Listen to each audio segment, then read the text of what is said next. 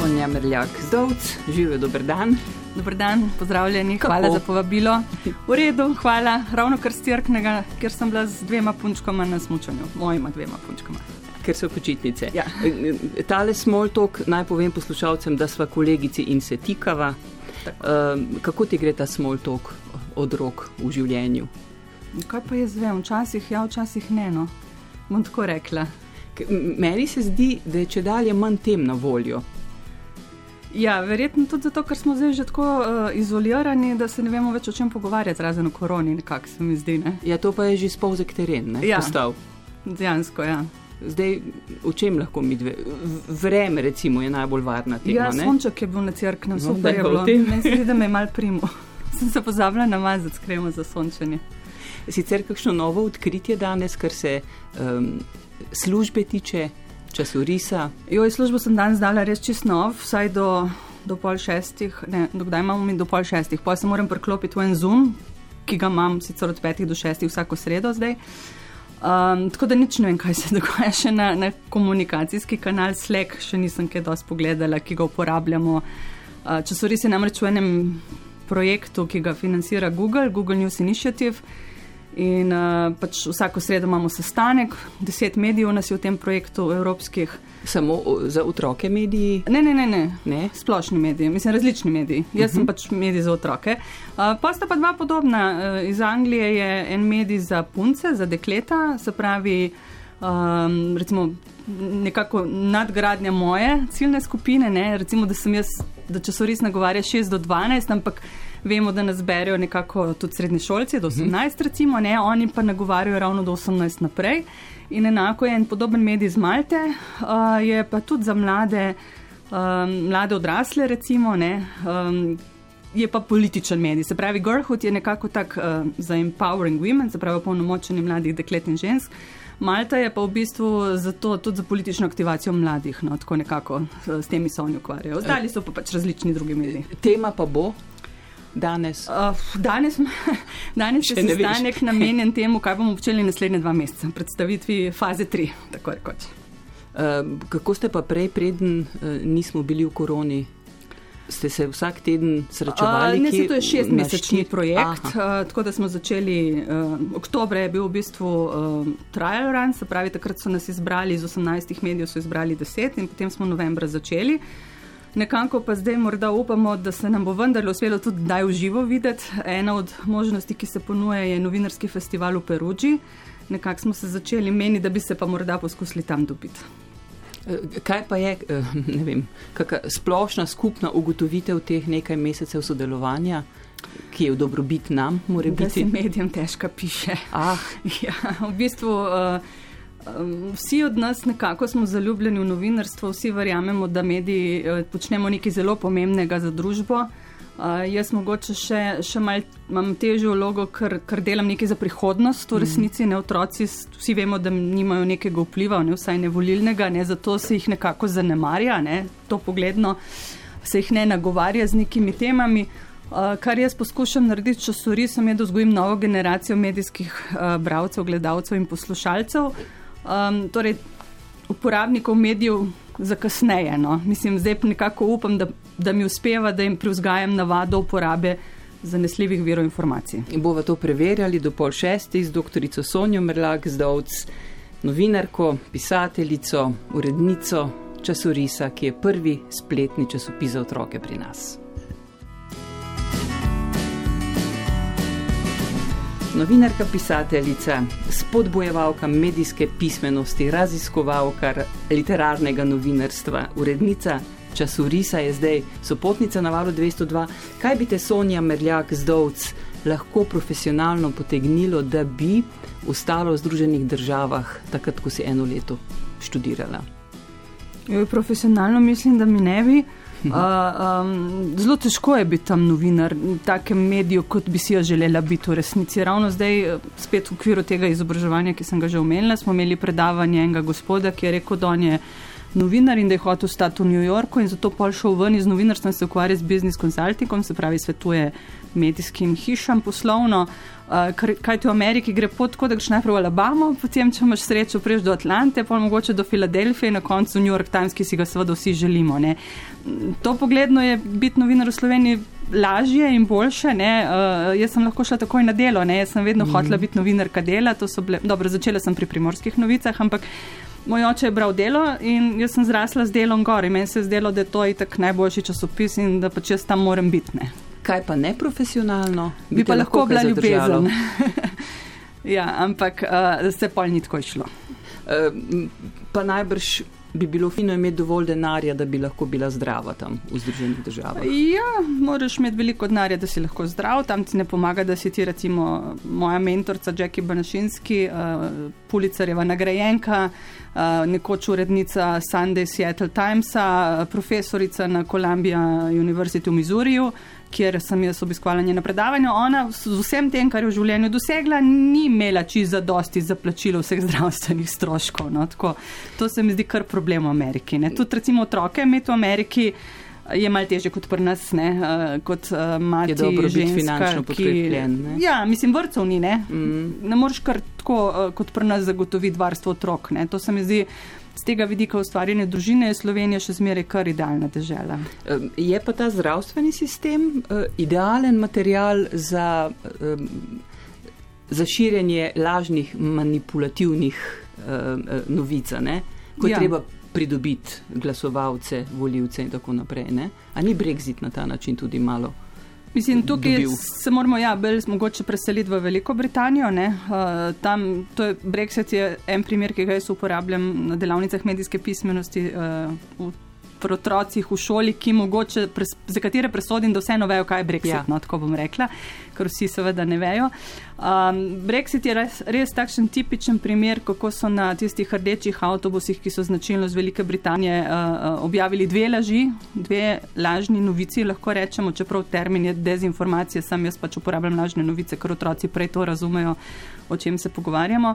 Skratka, da namenja Velika Britanija nekih 300 ne vem koliko milijonov funtov na teden uh. Evropi in da lahko za ta denar pač okrepijo javno zdravstvo, ne, NHS, njihov sistem. In tam se je ravno to pokazalo, da če vplivaš na čustva, ne, eh, kako lahko manipuliraš z javnostjo. Ne. Seveda vsak si želi imeti dober, dostopen javni zdravstveni sistem. Ne. Uh, in ljudje so nasedli. Ne. Prvič ni res, da so Britanci to dajali na teden, ne. niso, niso upoštevali tudi, kaj so dobivali iz Evropske unije. Um, znanje prizor, da je nekdo v, v, v Walesu razlagal, pač, kaj vse oni dajo Evropi. Za njim so bile pa zgradbe, ki so bile obnovljene sredstvi iz Evropske unije in on sploh ni registriral tega. Ne. Uh, prav tako pa tudi ni res, da so zdaj ta denar, ki so ga prešparali. Uh, mislim, vsaj kar sem jaz brala, ni bilo sploh možnosti, da bi ga dali v NHS, v njihov javni zdravstveni sistem. Ja, zdaj udarijo tam, ki smo najbolj krhki, ne? ampak tudi tudi previdni in, in izobraženi nasedajo. Ne? A si ti tista, ki si verjela, eh, da, da so švedi šest urni, ja, ne, šest, šest urni delovnik uvedli? ja, to, tega nisem veliko krat povedala, ampak očitno si to dobro raziskala, moram moj poklon. Eh, točno to sem jaz sem nasedla, ja, te informacije. Bomo, uh, zato, ker tisto, kar si želiš slišati in verjeti, tistemu prej verjameš. Ne? In meni se zdelo, recimo, to super taka ideja ne? in sem dejansko nekaj časa uh, verjela.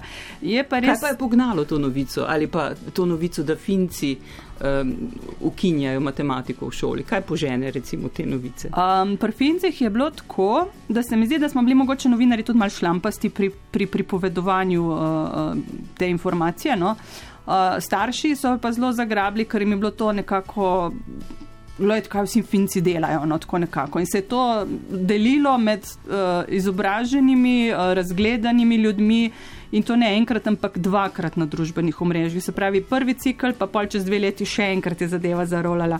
Mhm. Ko je šla prvič ven, sem jaz bila še na delu, uh, sem pokrivala šolstvo in dejansko bilo kar malce težko preveriti, tudi zato, ker je tudi eden ugleden britanski uh, časopis objavil Independent, ne, ki, ki nekako nam velja za zgled. Ne, če Independent objavi, pol najbrž je res. Ne, ampak tukaj smo se naučili, da je treba tudi Independent preverjati. preverjati ja, da je treba v bistvu tudi vse medije, ki jih, um, ki jih spremljamo nekno, tako kot novinari, svoje vire preverjamo, ne, moramo tudi mi, bravci, uh, preverjati vire informacij, se pravi medije, ki jih spremljamo. Ne.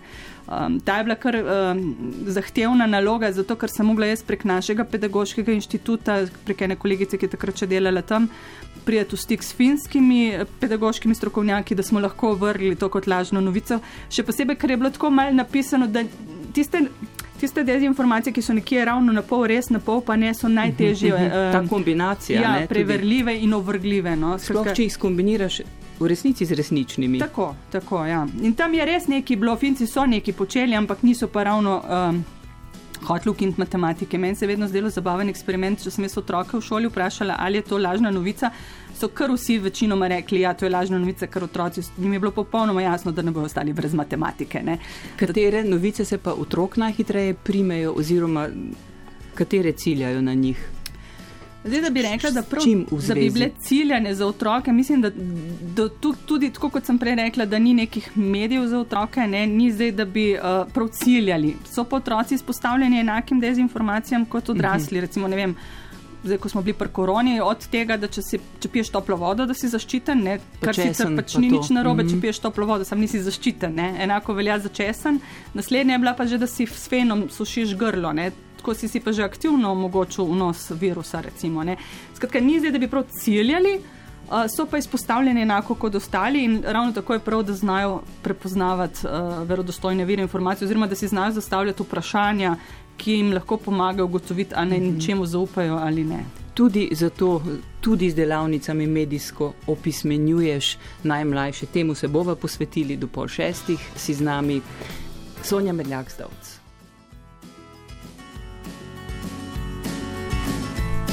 Novinarka, pisateljica, urednica časorisa Sonja Medljak Zdovc na valu 202. Eh, z Moni iz Indije imaš še kaj, je Moni? Ja, je Moni, Moni. Ja, ja, uh, na Facebooku, na, načeloma samo na Facebooku, zdaj sem jih ugotovila, da ni več uh, vodja dopisništva v Kalkuti, ampak ne vem pa še kaj počne, ker uh, takrat, ko je pač povedala, da ne bo več, sem jo vprašala, ampak očitno imela tako gužvo, da še ni odgovorila. Ampak me pa res zanima. Ja. Uh, ona je bila tako obraz indijske televizije za tisto področje in so jo poznali, kar na vlaku so jo prepoznavali. Kaj ja. pa Cimra z Kitajske? Tudi občasno, ja, za kakšen rojstni dan. Ona zdaj sicer živi v Avstraliji, uh, um, je, ona je uh, lezbika ima ženo, na kitajskem pač nista mogli zaživeti skupaj, sta se preselili v Avstralijo, uh, je posvojila njeno hčerko, mislim, da imajo še eno punčko od te žene in sta obe pač srečni in zadovoljni tam v Avstraliji. Ona je znanstvenica vrhunska, no? mm -hmm. tako da ja, včasih smo v stikih. Ker koronavirus. Če kaj je pa gotovo prinesel malo več časa, ne, da te stike obudimo.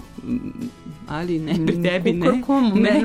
Vem, da smo se eni čudili tam na Facebooku. Prvem, prvem valu, ko so oni rekli, zdaj bomo pa lahko brali, pa objemali drevesa, pa ne vem, kaj vse bomo delali, jaz nisem mogla nič od tega. Zdaj sem komaj dihala takrat, ker pač le, če imaš še tri otroke, pa šolanje nadaljavo, pa redna je. služba, mislim nam ni ravno ratalo to objemanje dreves. Je pa najbrž prineslo kakšna nova spoznanja, ehm, ne vem, more biti celo med tvojimi prijatelji, znanci, eh, spoznanja o njih, kako dojemajo, v kaj verjamejo pri, pri vsej tej COVID-19 koronavirus. Eh, ja, prvi tak šok je bil sicer že med migransko krizo. No, moram reči, ko ne nadoma gledaš, čak je malo kako drugače gledamo na stvari. In drugo spoznanje je bilo tudi med korona krizo. Ja. Um, ker nekako misliš, da človeka poznaš, pa pa skozi njegova stališča izražena na družbenih omrežjih, ugotoviš, da mogoče ga ne poznaš tako, kot si mislil. Je pa res, da jaz sem nekako pri sebi sprejela neko odločitev, da tu in tam se oglasim, ne bom rekla, da ne, ampak da v bistvu kaj dost, pa se tudi ne zapletam več v neke razprave na družbenih omrežjih, ki se mi zdijo nesmiselne. Je pa res, da sem se zadnjič pa enkrat oglasila, ker se mi zdelo, da imam državljansko dožnost, da opozorim, da če nekdo, ki ima doktorat, širi dezinformacije, da mogoče to ni najboljša stvar na tem svetu.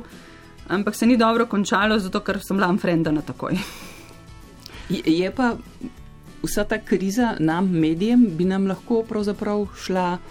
Um, rekla, kakovostnim, resnim medijem, bi nam lahko šla na roko, je bila nekakšna idealna priložnost, da bi družba ukrepila zaupanje v nas. Ne? In ne vem, če je tehnica ravno nam uprit. Se nam je šla, ne, v prvem valu v začetku. smo vsi imeli, tudi časoris, je imel rekorden obisk. Um, problem je, da se je potem zgodila ta koronska utrujenost, ko so ljudje že naveličani vseh informacij, tudi takih zanesljivih iz kakovostnih medijev. In mislim, da veliko medijev opaža upad obiskanosti, uh, kar pa potem seveda pripelje do tega, da nimamo nekega skupnega imenovalca, ko sprejemamo neke odločitve. Ne? Zato, ker pač vsak je informiran tam, kjer pač dobiva informacije, eni na TikToku, recimo, eni na Instagramu, eni na YouTubu, eni na Valu 202, recimo, ne? eni v časorisu. In nimamo tega skupnega imenovalca, ki smo ga imeli morda nek, nek, neki generaciji nazaj, ko smo pač, recimo, ko je moj oče spremljal še medije, recimo, ne, je bilo popolnoma logično, da zjutraj prebral delo. Uh, potem smo gledali vem, trojna italijanska poročila, ki sem bila iz Kopra, in še TV dnevnik je bil takrat v pol osmih, recimo. Še, Skratka, pa, pa niso cveteli spletni mediji. No. Ne, seveda, takrat, takrat jih ni bilo, ampak vse spletnimi mediji ni nič narobe, če so zanesljivi. V bistvu, uh, sam mi jih moramo znati poiskati, tiste, kot rečeno, ki jim lahko zaupamo. In tudi takrat kot smo ugotovili pri Independentu, včasih treba biti mal pozoren. Ampak um, kaj meniš, da bi morali um, ti ta resni mediji um, narediti? Kaj smo spregledali? Recimo, bi, bi morali sodelovati vem, um, s spletnimi, bolj kot smo, ali, ali ena dobro umrežena oseba z eno objavo lahko doseže enormno število ljudi. Mislim, problem je mogoče tudi ta, da seveda novinari nosimo en delež krivde. Včasih ne hote, včasih morda tudi hote. Mislim, ne, hote, ne, ne da zdaj za nalož zavajaš, ampak morda nekako preveč se kdaj kakšen aktivizem prikrade v kakšne novinarske prispevke. Recimo, uh, Obenem pa delamo napake, ne? tempo je vedno hitrejši. Ne? Poleg tega vemo, da obstajajo senzacionalistični mediji ne? in ljudje veliko krat potem kaj slišijo. Ne? Slišijo recimo, aha, mediji imajo agendo, novinari imajo agendo, ne moramo izupati, so senzacionalistični in tako naprej. Prišlo je do tega, da že raziskave uradne kažejo, da nekako bolj verjamemo temu, kar objavijo naši prijatelji ali pa tete, strici na internetu, mislim na družbenih omrežjih, kot temu, kar objavijo resni, verodostojni mediji, ker je, ker iz vsega tega nastavlja ena taka na tako dojemanje, da, da vsi mediji so isti. Ne? Pa še en fenomen je, ko te vprašajo, kje si nekaj izvedel, rečeš, prebral sem na internetu in niti ne pogledaš, kdo je to objavil.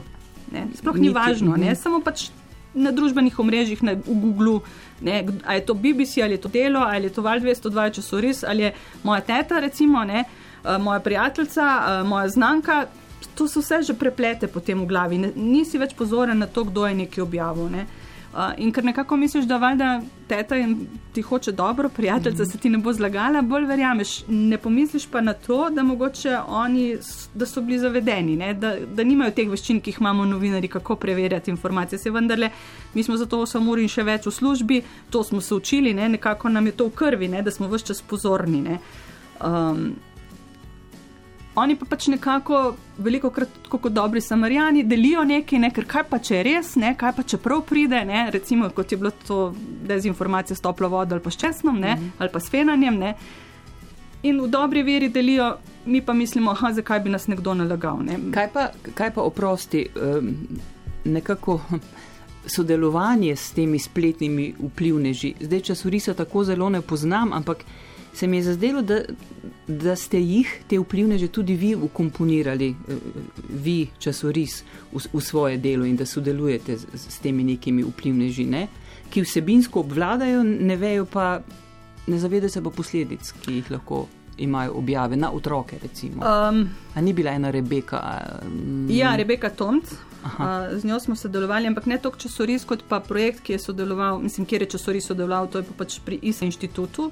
A, uh, in tam je ona bila kot ambasadorka projekta. Mi nismo imeli, mislim, časoris nekako. Uh, Mogoče tudi zato, ker nismo imeli financ uh, za to, da bi pač uh, povabili k sodelovanju kakšnega spletnega vplivneža. Ni pa to napačna ideja, ne se mi skozi o tem še zmeraj malo razmišljamo. Uh, Um, ne na zadnji na Instagramu je kar nekaj mladih, recimo, rečemo, uh, najstnikov, ki imajo kar veliko število sledilcev in tukaj bi bilo povezovanje vsekakor smiselno. Ne?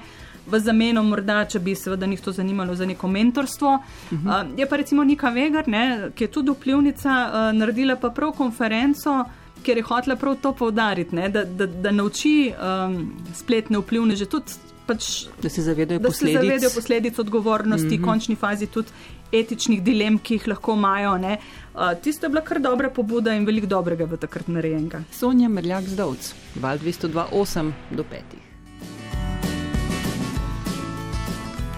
A počitnice Sonja Merljak zdovc. Ja, počitnice bom kar trdite postavila, prinesejo manj obiska na časorisu, na spletnem časopisu, ki ga urejaš kot siceršnji dnevi. Poletne, ja.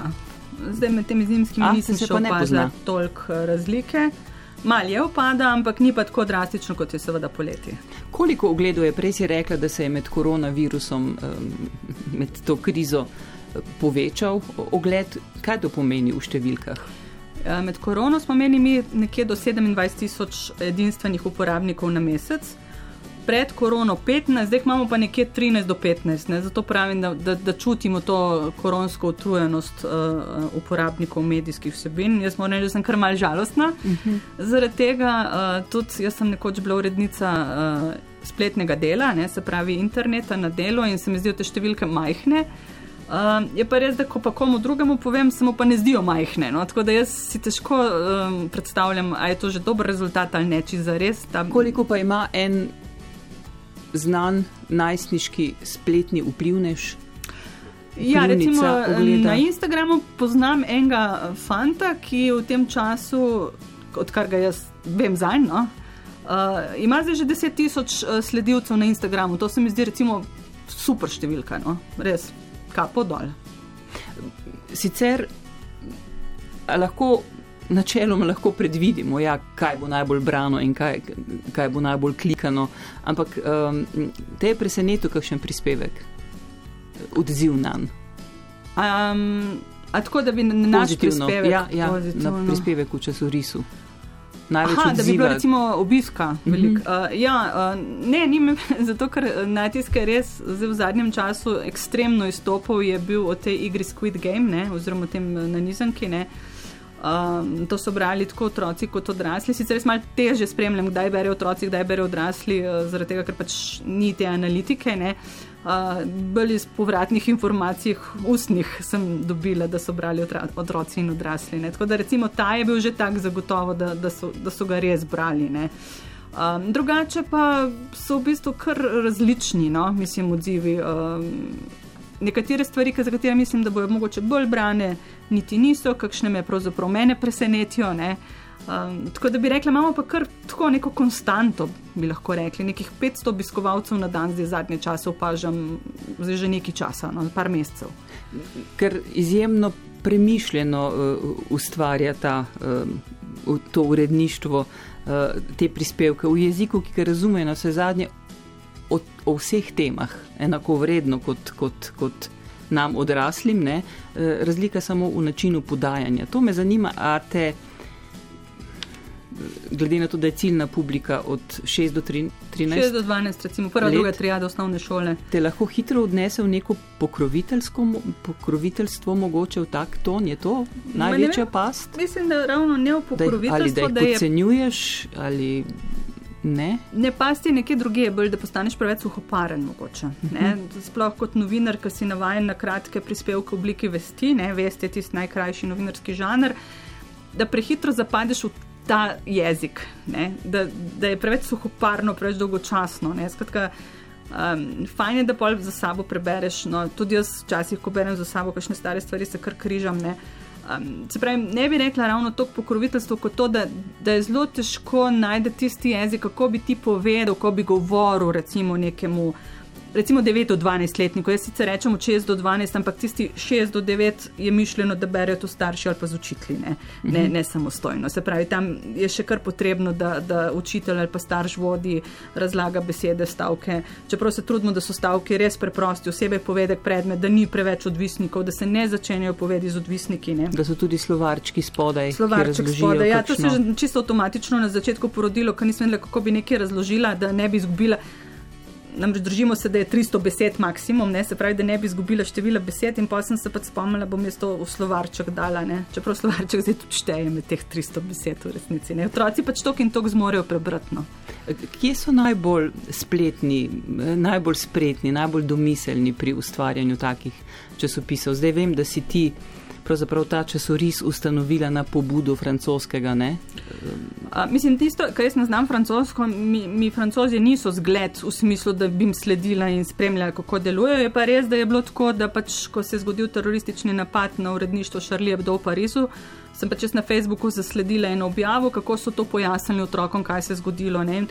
Kar se meni zdelo zelo pomembno, je, da so imeli zelo težko, uh, traumatično, uh, kompleksno. Uh, uh, temo, ki človeka prestraši, pojasnili. Ne? In sem razmišljala, da nekaj tacga mogoče bi potrebovali tudi pri nas, da tega nimamo. Ne? Imamo nekaj medijev za otroke, ki so zelo dobri, ampak mogoče ravno tega dnevnega odziva, dopolnjenega še s kako govoriti o nečem, ne? da mogoče nimamo. In tako se je v bistvu porodil. Časoris. Jaz bolj spremljam, seveda, angliške in ameriške in kanadske, torej tiste, ki so v angliščini. Uh, Um, v tujini, recimo, prvi pač tak, po katerem sem sledila, je bil kanadski Teaching Kids News, ne, polje Newsamatic je aplikacija, polje First News v Veliki Britaniji, to so nekako tisti mediji, ki jih spremljam. Strašno stvar pojasniti, hude stvari pojasniti enako kot odraslim, ampak jo nekako kontekst. Ja. Znati, ali... Mislim, point je v tem, da, da mi odrasli mislimo, da hočemo zaščititi otroke. Mm -hmm. jim, mislim, to je čist naravno. Jaz tudi nočem, ne, da vejo otroci, da se dogajajo hude stvari. Ampak bistveno pa je, da se moramo vse čas zavedati, da oni to zvejo, tudi če jih mi hočemo zaščititi. Ne. In pol je že bolj, da zvejo od nekoga, ki mu lahko zaupajo, se pravi starša, učitelja. In, in če ta starš in učitelj mogoče ne zna. Uh, tega pojasnim, da mu mi ponudimo v časorisu neke, neke pač prispevke, s katerimi si lahko pomagajo. Ne. Tudi rubrika, kako govoriti ja, o je zelo pomoč odraslim. O, tako. Mislim, Treba je povedati otrokom, da recimo, če se zgodi nek teroristični napad in ko je časoris nastal, to je bilo leta 2015, jih je bilo kar neki, ne? da to še ne pomeni, da so oni neposredno ogroženi, ne? da pač taki veliki dogodki odmevajo v medijih, ampak ni nujno, da so pogosti in da se bo, da se bo njim kaj hudega zgodilo, ne? ker ta strah je prisoten. Tudi jaz sem bila živčna takrat, ne? tako kot sem zdaj živčna zaradi te vojne v Rusiji in Ukrajini. Ne? Mislim, v resnici ne vemo, kaj se bo zgodilo. Um, tako da boljše da jim to znamo povedati na en tak način, da, da zadeve sprejmejo, razumejo, poskušajo razumeti sajno. Uh, kot pa da rečemo, ne tega ni, uh, otrok to ne zanima, oni bodo se tem pogovarjali, ko bodo odrasli, ker takrat zna pa tudi biti že prepozno. Ne? Takrat pa mogoče imajo že neke svoje vire, um, ki pa pač tudi uh, vprašanje, čem lahko zaupajo. Doktorica Sonja Merljak Zdovc na valu 202. Sonja Merljak Zdovc, novinarka, urednica časorisa. Eh, zdaj tvoji trije, da nimo tvoji trije otroci, če niso prav bosa Kovačeva kubila, najbrž vedo, da informacije z kakšnega TikToka in kar je tega, niso nujno enako vredne informacijam infodroma na televiziji ali časorisa. Zdaj, kako prav vedo, ne vem. Jih pa vsakeč, ko mi nekaj hočejo povedati, vprašam, kje si to zvedel, ne? kdo ti je to povedal, kako to veš. Ne? Skratka, na nek način jim ta vprašanja uh, priuzgajam, da, da se vse čas sprašujejo, kako veš, ne? kdo ti je to povedal. Ali to lahko verjameš, ne?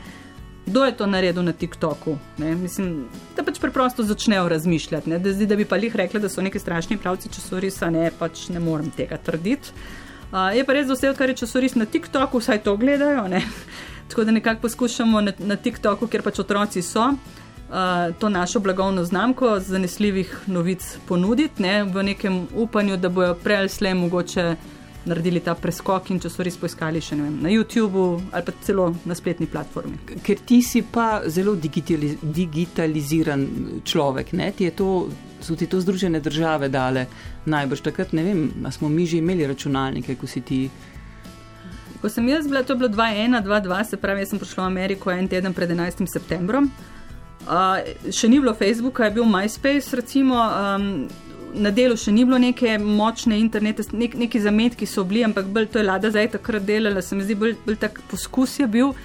Je bil pa to tudi čas prvega dotcom babla, se pravi, ko so prva internetna podjetja propadla. Skratka, vse skupaj je bilo je vzbrstelo, je bilo uh mhm. hkrati v povojih in hkrati je tudi propadalo. No? Tako da na nek način, ko sem jaz prišla nazaj. Uh, si ti postavila, oprosti, uh, nekak delova družabna omrežja? Ne, ne, ne. Mislim, ja, družabna omrežja, ja. To ja. Uh, internet pa ne, pred mano so, so bili drugi uh -huh. uh, uredniki, ampak Facebook pa Twitter.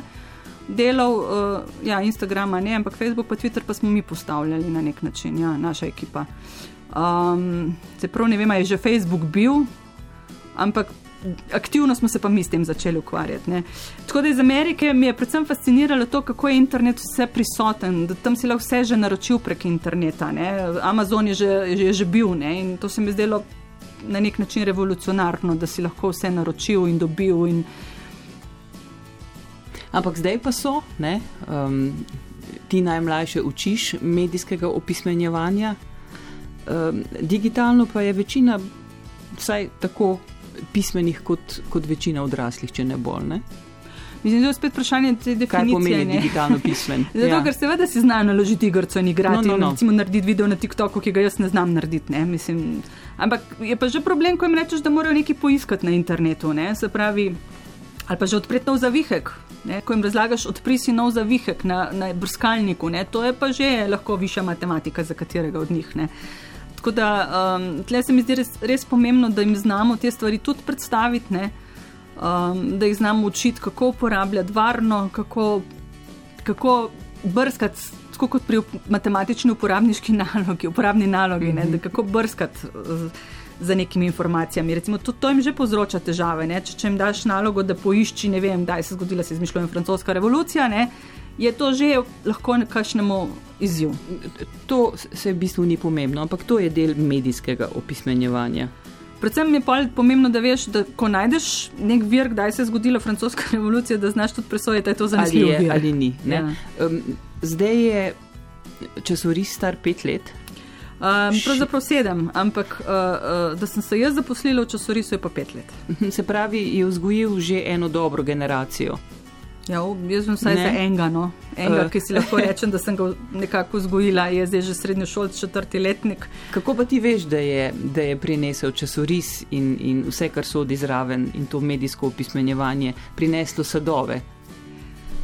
Um, Ravno skozi tega fanta, recimo, no, ja. uh, uh, ki je v bistvu znanec, bom rekla, ne, ampak ker zdaj vidim, kako on všečka vsebine, kako jih spremlja ne, na družbenih omrežjih, si pa nekako rečem, wow, no, vsaj, vsaj enega smo uspeli dobiti. No. Mislim, enega, ki je zrastel še kot osnovnošolc s časorisom in je zdaj že srednjošolc in ga uporablja in uh, mu nekaj daje. No. To, to se mi zdi fajn. Zdaj, se pravi, moja bolečina je, da mogoče je teh otrok, ki, ki, ki poznajo časoris, ki ga spremljajo, malo. Še bolj me pravzaprav preseneča, da imamo starše, ki berejo časoris, ampak ga svojemu otroku niso predstavili. Tega pravzaprav čisto dobro ne razumem. Ne, starši, ki vem, da spremljajo, kar všečkajo, um, rečejo, joj, jih ne zanima, ali pa ne vem, to bo mogoče pol, ko bojo na faksu. Imamo tudi politiko, recimo, mm -hmm. ne, mislim, tudi take tež, težke teme predstavljamo. Ne, to ni za njih. Ne. Ampak jaz, načel, jaz zavestno nisem hotel imeti samo uh, zabavnih vsebin, ne, nekaj, kar bi bilo otrokom všeč. Ne. Jaz sem hotel, da je to časopis za majhne ljudi, majhen po velikosti, v smislu, tako kot v časopisu za velike ljudi, imaš vsebine, za katere domnevaš, da jih bojo z veseljem brali in tudi take, ki jih morajo vedeti. Sonja Medljak zdovc, še marsikaj se mava pogovoriti, zdaj le 12 čez peto, še kakšno kavo? Jaz z veseljem bi še eno, prosim. Okay. Hvala. Sonja Mrljak Zdovc, novinarka, zdaj urednica časorisa, spletnega časopisa za otroke in dolgoletna novinarka dela, kolumnistka, zavezana tudi šolstvu. A bi še ostala, če bi ne bilo treba uditi? A na delu? Um, Ali pa bi šla nazaj? v bistvu, po pravici povedano, kot je bilo meni takrat grozno hudo, ko sem odšla uh, se zdaj ne vidim več na delu.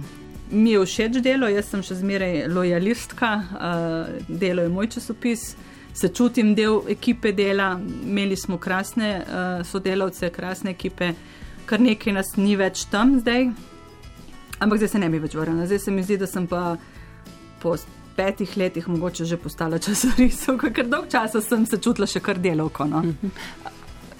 A si ne samo ti včasih ko vas je kar nekaj zapuščalo, pa že prej se je začelo um, te tiskane medije, um, pričakovala drugačen odziv uh, stroke, kolegov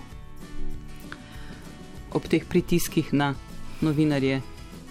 Jaz mislim, da je zelo težko soditi o takih stvarih v resnici. No. Uh, Po eni strani so bili pozivi, zakaj se ljudje ne uprejo. Recimo, ko mene so odpustili iz dela. Ne? Ko so mene odpustili iz dela, so, so nekateri pač govorili, zakaj se novinari ne uprejo. Ne? Zakaj?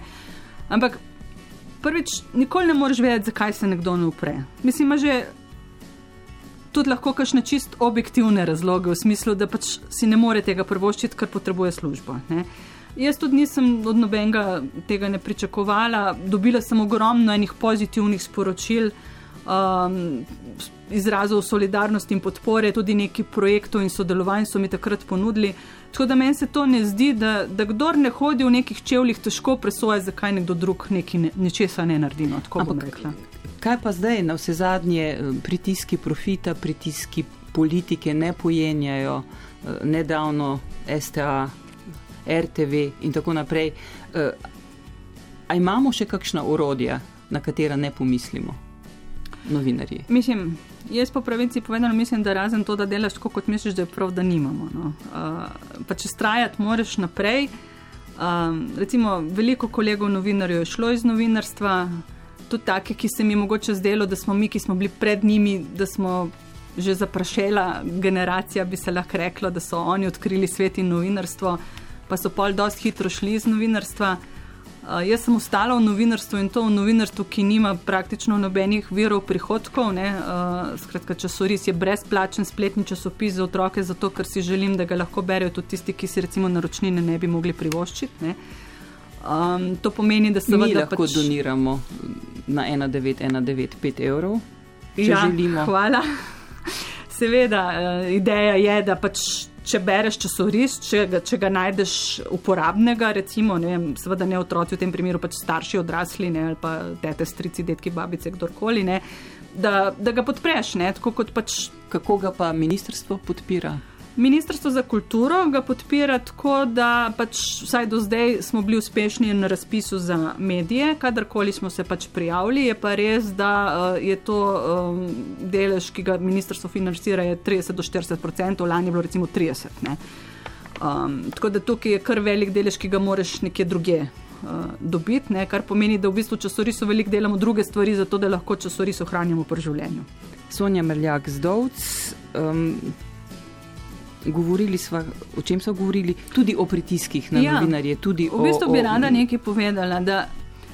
Na delu smo leta 2010 začeli z neko digitalno transformacijo. Recimo, Približno v tem času je to počel tudi Financial Times, uh, pa so oni norvežani, ki se trenutno ne spomnim imena, počeli, od nekaterih od njih smo se učili. In letos, ko sem jaz pa zdaj spet v teh izobraževanjih, med drugim sem bila tudi na izobraževanju Financial Timesa.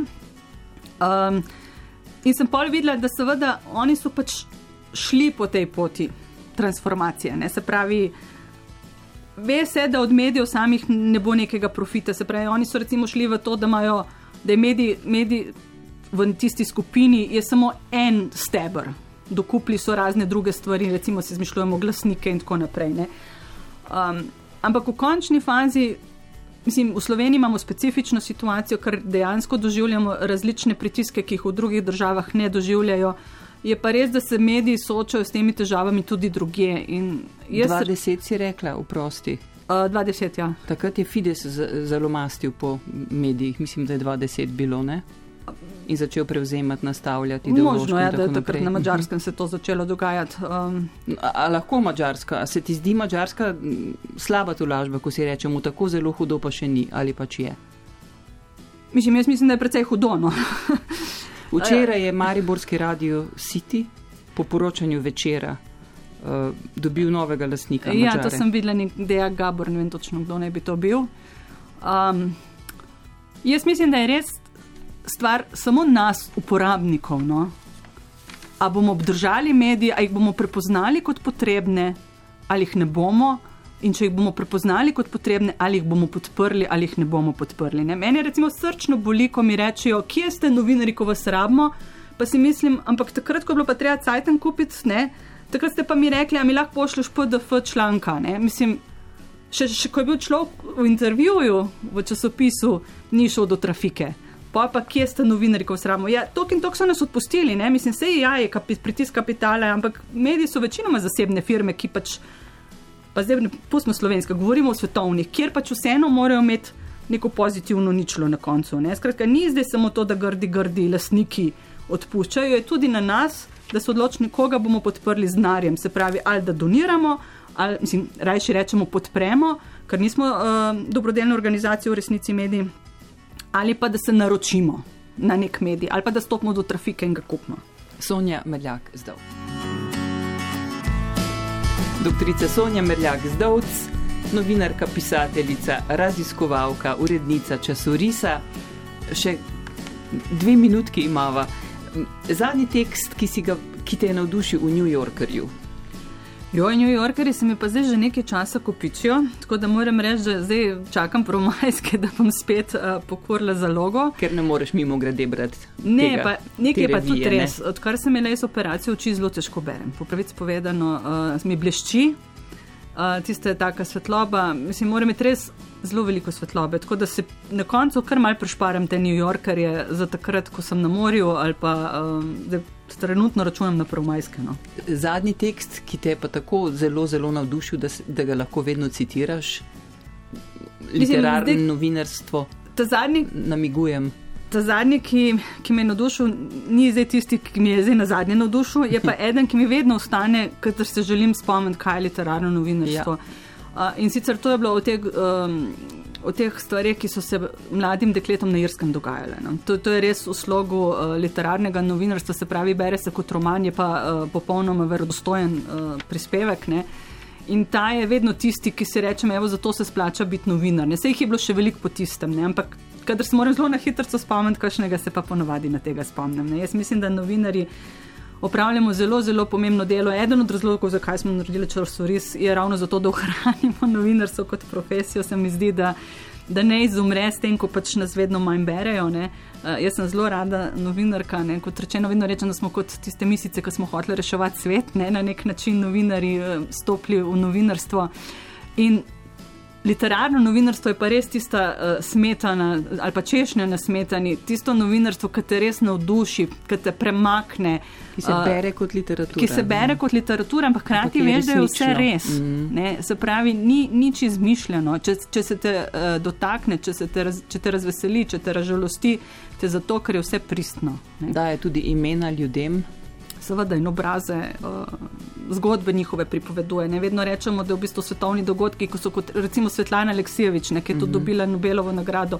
Jaz se vedno razjogim, sem samo spomnil stavka, da je pač mama šla izmeriti krsto tega dečka, svojega sina, ki se je vrnil iz afganistanske vojne, če je dovolj velika, ker on je bil velik. Sonja Merljak Zdovc, hvala lepa. Hvala vam za povabilo.